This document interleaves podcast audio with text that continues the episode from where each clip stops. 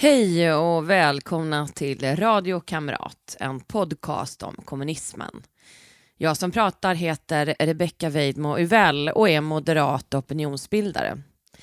Jag är även kandidat till riksdagen för Moderaterna i Stockholms stad. Vill ni se mig i riksdagen och bor i Stockholms stad? Gå med i Moderaterna och kryssa mig i höstens provval för medlemmarna. Jag måste kryssa mig in till plats 1-7 för en chans. Syftet med Radio Kamrat är att fylla det hål av kunskap om kommunismens förtryck som finns och som gör att kommunister trots all fakta ändå anses rumsrena. Jag vill med poddserien därför folkbilda och kommer sända varje onsdag till valet 2022.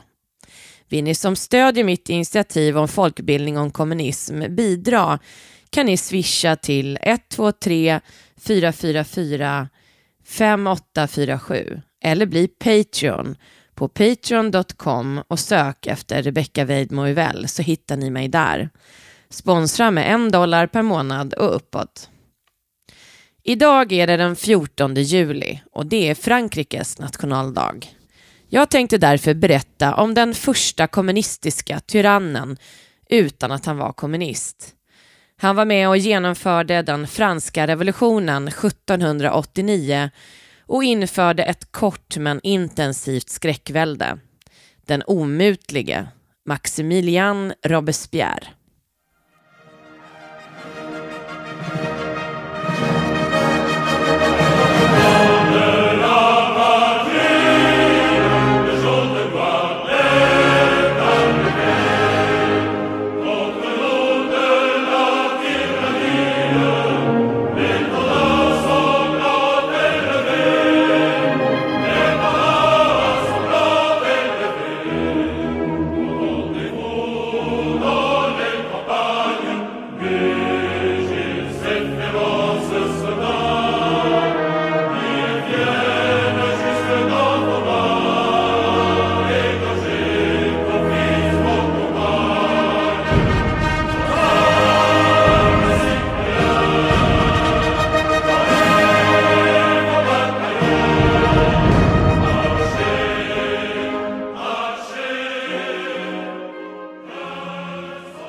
Den 14 juli 1789 stormades Bastiljen i Paris. Det blev sedan Frankrikes nationaldag som firas idag. Bakgrunden till revolutionen var ett system där kungen, den mäktiga katolska kyrkan, inklusive alla präster, och adeln var helt skattebefriade medan bönderna och borgarna skulle stå för all skatteinbetalning. 1788 blev det svår missväxt i Frankrike vilket ledde till kraftigt stigande livsmedelspriser och reallönerna sjönk. En kris inom handeln gjorde att arbetslösheten steg. Efter den dåliga skörden blev vintern otroligt hård. Landet var dessutom hårt belastat av dyra krig så Ludvig den XIV sammankallade generalständerna för att höja skatten ännu mer den 5 maj 1789.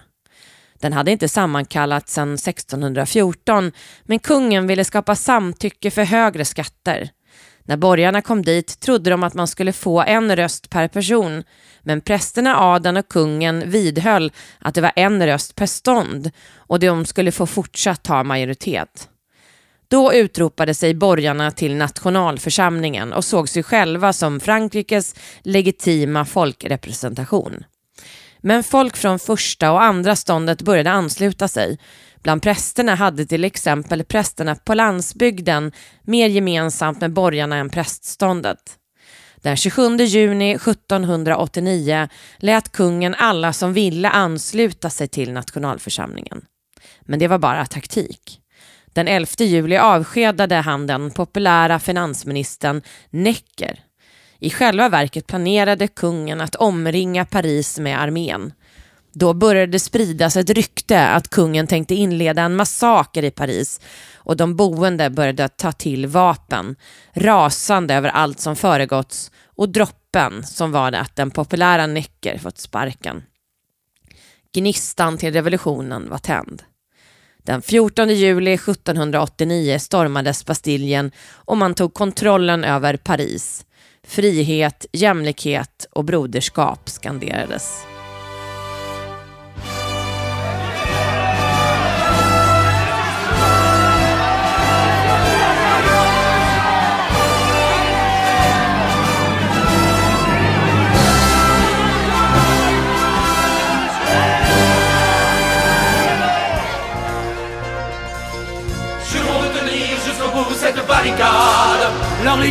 Mercenaires trouveront à qui parler. Ils n'ont que des ordres, nous nous avons la foi. Donnons-leur une leçon qu'ils n'oublieront pas. C'est l'heure de vérité. Et s'il faut mourir pour défendre la cause, au plus fort de la bataille, je serai là. Då lät kungen nationalförsamlingen få igenom vissa av sina krav. Detta resulterade i 1789 års deklaration om de mänskliga och medborgerliga rättigheterna som antogs den 26 augusti. Men folket svalt fortfarande och den 5 oktober marscherade kvinnotåget mot Versailles med krav på bröd. Kungen gav upp och öppnade sina förråd och följde med tillbaka till Paris och Tuileripalatset. Så fort ryktet om att Bastiljen stormats spred sig över landet började konspirationsteorier att spridas. Att, att aristokraterna medvetet orsakat livsmedelsbristen för att öka priset på mat och tjäna mer pengar. Man förstörde skördar genom att skörden attackerats av banditer, sades det. Medborgargarden började bildas av invånare i byar och bönder för att försvara sig, men när inga banditer sågs började man istället attackera feodalherrarna. Man kallar resningen den stora skräcken och den ägde rum mellan den 26 juli och 6 augusti 1789. Målet med attackerna var framför allt att få tag i och bränna de feodala privilegiebreven som gav adeln rätt att arrendera ut marken, döma och i vissa fall livegenskap för bönderna. Hundratals slott ska ha bränts ner men framför allt förstördes breven och godsägarna jagades bort från slotten. Man dödade dock ingen. Nationalförsamlingen tog intryck av böndernas revolution och den 4 augusti 1789 avskaffades det feodala systemet.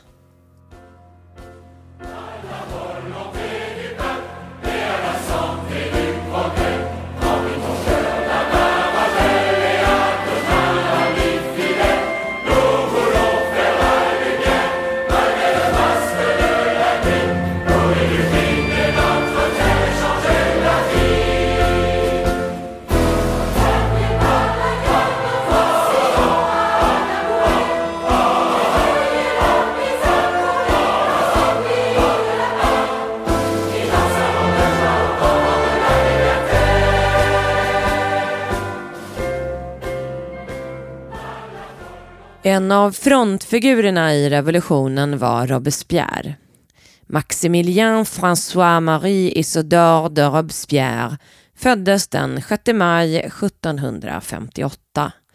Han var utbildad jurist och influerad av Jean-Jacques Rousseau. Rousseau gillade inte tekniken och vetenskapens inflytande på människor. På grund av dessas inflytande ansåg han att människans liv blivit för artificiellt. Hon hade kommit längre och längre bort från naturen. Konsekvensen av detta hade blivit ett samhälle som styrdes av pengar och materiella ting. Hans idéer var i direkt kontrast till upplysningsfilosofen Voltaires tankar med sin förnuftsbaserade ideologi och positivism till framsteg och som Rousseau ansåg vara falsk upplysning. Fokuseringen på individen skild från helheten, det vill säga naturen, riskerade enligt honom att föra henne bort ännu längre från sitt naturliga sammanhang. Han ansåg också att alla människor är födda med rättigheter. I hans bok om samhällsfördraget propagerade han för ett helt och fullt jämlikt samhälle där medborgarna skulle avsäga sig sina individuella anspråk till förmån för det han kallade allmänviljan, volonté générale. Eftersom allmänviljan utgjordes av folkets verkliga och faktiska intressen ibland till skillnad från vad individerna själva tror är bäst, kan den genomdrivas mot majoritetens vilja. Denna genomgripande förändring skulle främst uppnås och genomdrivas genom uppfostran, inte revolution. Allmänviljan syftar helt enkelt på ett helt samhälles gemensamma vilja. Det svåra i detta är att avgöra vem som ska vara uttolkare av denna vilja. Rousseau landade i att i vissa fall kunde allmänviljan uttolkas av en upplyst minoritet, i extremfallet en enda person. Det är lätt att se hur kommunismens idéer om proletariatets diktatur och folkvilja uppstått. Karl Marx föddes 1818, det vill säga nästan 30 år efter franska revolutionen. L'homme veut manger du pain, oui. Il veut pouvoir manger tous les jours du pain et pas de mots ronflants, du pain et pas de discours. Marchons au pas, marchons au pas, camarades vers notre front. Range-toi dans le front de tous les ouvriers avec tous tes frères étrangers. L'homme veut avoir des bottes, oui. Il veut avoir bien chaud tous les jours. Des bottes et pas de boniment. Des bottes et pas de 1789 var Robespierre med att grunda Société des Amis de la Constitution, konstitutionens vänner, det som senare blev jakobinerna. Anledningen till namnbytet var att föreningen för att kunna husera det växande antalet medlemmar bytte lokal att hålla möten i till Jakobinklostret på Rue de Saint-Honoré. Organisationen var politisk och syftade till att reformera Frankrike med krav på en separation av kyrka och stat, allmänna val och bort med monarkin bland annat. Kungen delade alltså vid den här tiden sin makt med nationalförsamlingen frivilligt. Revolutionen hade begränsats till stormningen av Bastiljen och kvinnomarschen och spridit sig till landsbygdens uppror. Men i Paris var allt fortfarande fredligt. Hösten 1791 beslutade nationalförsamlingen att begränsa kungens makt. Den 20 april 1792 förklarade Ludvig den XIV krig mot Österrike. Robespierre var helt emot kriget men den lagstiftande församlingen var för. Skälet var tankar om att exportera revolutionen först till Österrike och sen till hela Europa. Kungen hoppades å sin sida att kriget skulle återställa ordningen som det var innan. Debatterna i Jakobinklubben blev Robespierres start på vägen mot makten. Allons enfants de la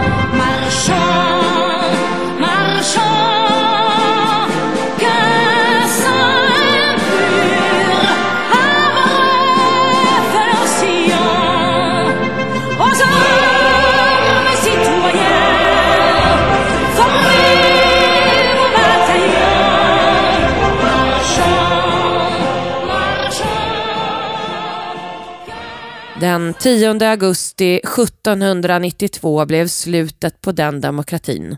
Då trängde sig beväpnade folkmassor in i Tuileripalatset där kungafamiljen var och kungen fängslades. Det var nu Robespierre radikaliserades. Den yttersta vänstern, Les Enragés, de rasande, kallade sig denna nya grupp som fick plats i den nyinstiftade lagstiftande församlingen det var en liten grupp politiska brandtalare för försvarandet av de lägre klasserna. De utropade den 25 juli 1793 Friheten är en chimär när den ena klassen ostraffat kan låta den andra klassen svälta. De gav också ut pamfletterna Explosion och Manifestes enragé som rasande kritiserade staten, kapitalet och kyrkan, varje typ av regering och även de auktoritära dragen i revolutionen. De krävde ekonomisk demokrati. De var alltså en form av socialistiska anarkister.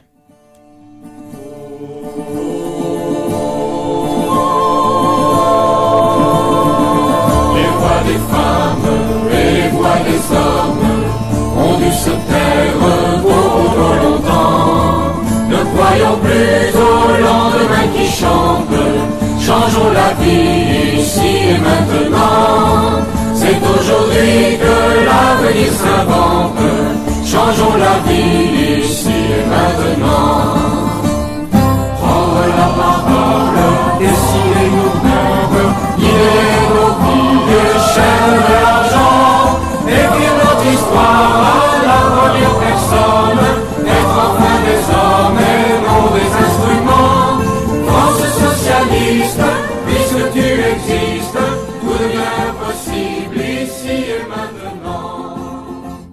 I den nya republiken dominerade jakobinerna och girondisterna.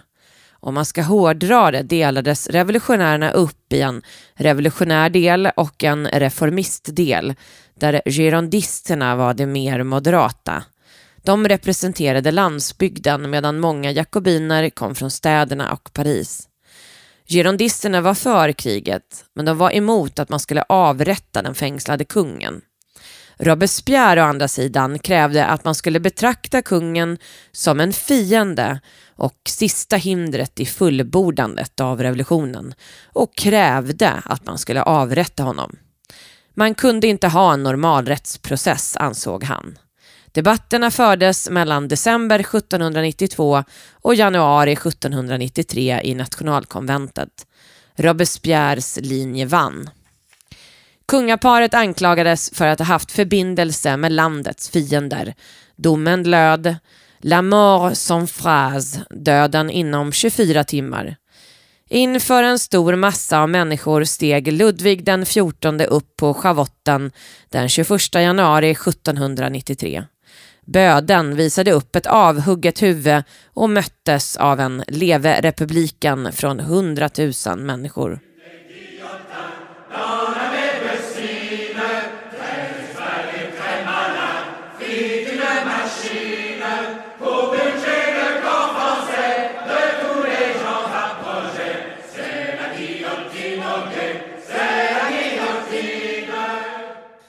Även drottningen Marie Antoinette dömdes till döden för förräderi mot fosterlandet och förbindelse med fientliga makter. Redan samma morgon höggs även hennes huvud av inför en jublande folkmassa. Girondisterna försvagades också av att krigslyckan vände och Robespierre såg sin chans. Nu började de allt mer radikala jakobinerna att samarbeta med olika andra folkliga rörelser i Paris för att rensa ut kontrarevolutionärer. Med hjälp av dem lyckas de få stöd för att en undantagsregering skulle instiftas och en revolutionstribunal med rätt att döma kontrarevolutionärer inrättades. Man inrättade dessutom det så kallade välfärdsutskottet som officiellt hade uppgiften att se till att administrationen fungerade men i praktiken var en brygga in till makten. Sedan började revolutionära jakobiner samarbeta med de frivilliga nationalgardet och 80 000 nationalgardister omringade nationalkonventet. Girondister som ansågs kontrarevolutionära arresterades, andra flydde och välfärdsutskottet gavs i princip all makt över regeringen. Dit valdes Robespierre in. Det var nu skräckväldet började. Det inleddes 1792 eller 1793. Man tvistar fortfarande om det. När Marat mördades av en 24-årig girondist ansågs till slut alla girondister vara fiender till revolutionen och en efter en dömdes de av revolutionsdomstolen till döden via giljotin.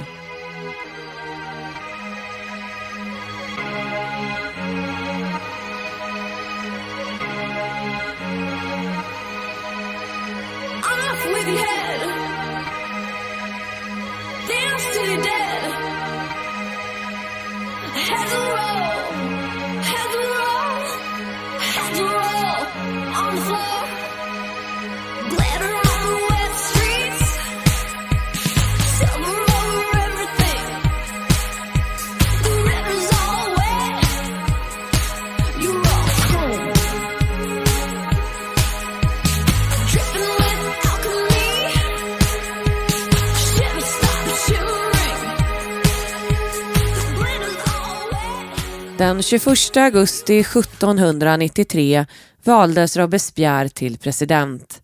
Han utsåg den unga Napoleon Bonaparte till chef över artilleristyrkorna i Toulon för att stävja ett hotande inbördeskrig. Sex dagar efter han, han valts stiftades en lag som förbjöd en anklagads rätt till rättegång och juridisk representation. Inom en månad hade 1400 personer dömts till döden och avrättats. Robespierre införde bland annat maximum som var ett förbud mot högre priser än det max regeringen hade satt. Butikerna tömdes på en vecka. Som all planekonomi skapade nämligen detta att utbud och efterfrågan sattes ur system och folk bunkrade. Han skapade en revolutionär armé för att tvinga bönderna att överlämna säd. Jakten på kontrarevolutionärer resulterade i massarresteringar och upp till 300 000 personer hölls till slut i fängelser. Robespierre förespråkade ännu mer terror. Terror is only justice prompt, severe and inflexible. It is than an emanation of virtue. It is less a distinct principle than a natural consequence of the general principle of democracy applied to the most pressing wants of the country. The government in a revolution is the despotism of liberty against tyranny. Septembermassakern var en serie avrättningar av fångar i Paris mellan den 2 och 6 september 1792. 1100 till 1600 personer dödades. De dömdes inte till döden utan mördades på gatan under transporter etc. Den första massakern var på 24 präster som slogs ihjäl och deras kroppar vanställdes så mycket att barbariet var för chockerande att beskriva enligt en brittisk diplomat. Sedan slogs 115 andra präster ihjäl på en borggård med yxor, svärd, spikklubbor och de sköts med pistoler. Dränkningarna i Nantes skedde 1793 till 1794. Jean-Baptiste Carrier skickades 1793 till Nantes för att rensa staden på stadsfiender. De första som dömdes var 160 präster.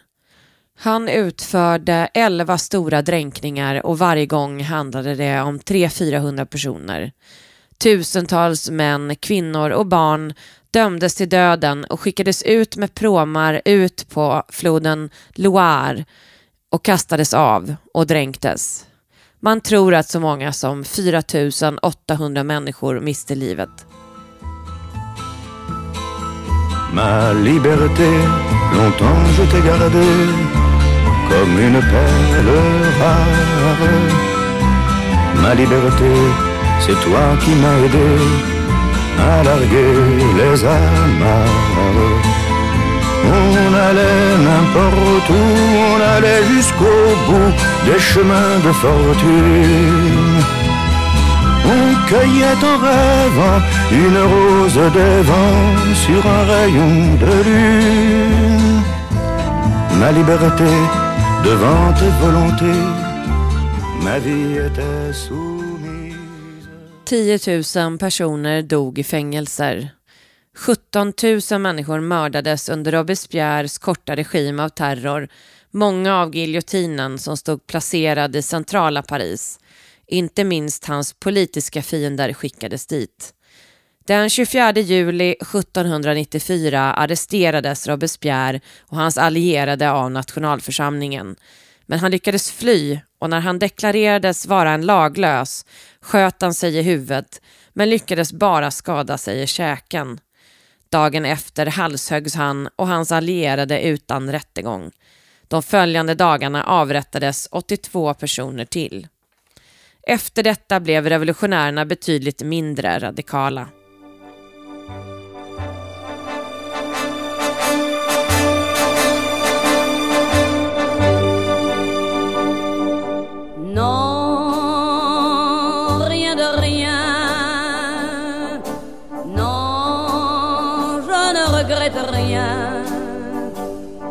Il bien qu'on m'a fait, ni le mal, tout ça m'est bien égal. Non, rien de rien. Non, je ne regrette rien. Det franska kommunistpartiet bildades 1920 efter den ryska revolutionen av en utbrytargrupp från Socialistiska partiet. Majoriteten av det partiets medlemmar gick över. Ludovic Oscar Frossard blev deras första partiledare. Vietnams Ho Chi Minh, som bodde i Paris, var med och stöttade processen. Vietnam hade ju varit en fransk koloni. De har suttit i tre regeringar, 1944 till 1947, 1981 till 84 under François Mitterrands första period som president och 1997 till 2002. Idag är Socialistpartiet det stora partiet i Frankrike. Precis som alla andra kommunistpartier var de revolutionära. Under 40-talet hade de sin storhetstid med över 25 procent av rösterna i valen men idag är de ett marginalparti och fick 2,7 procent i senaste valet 2017.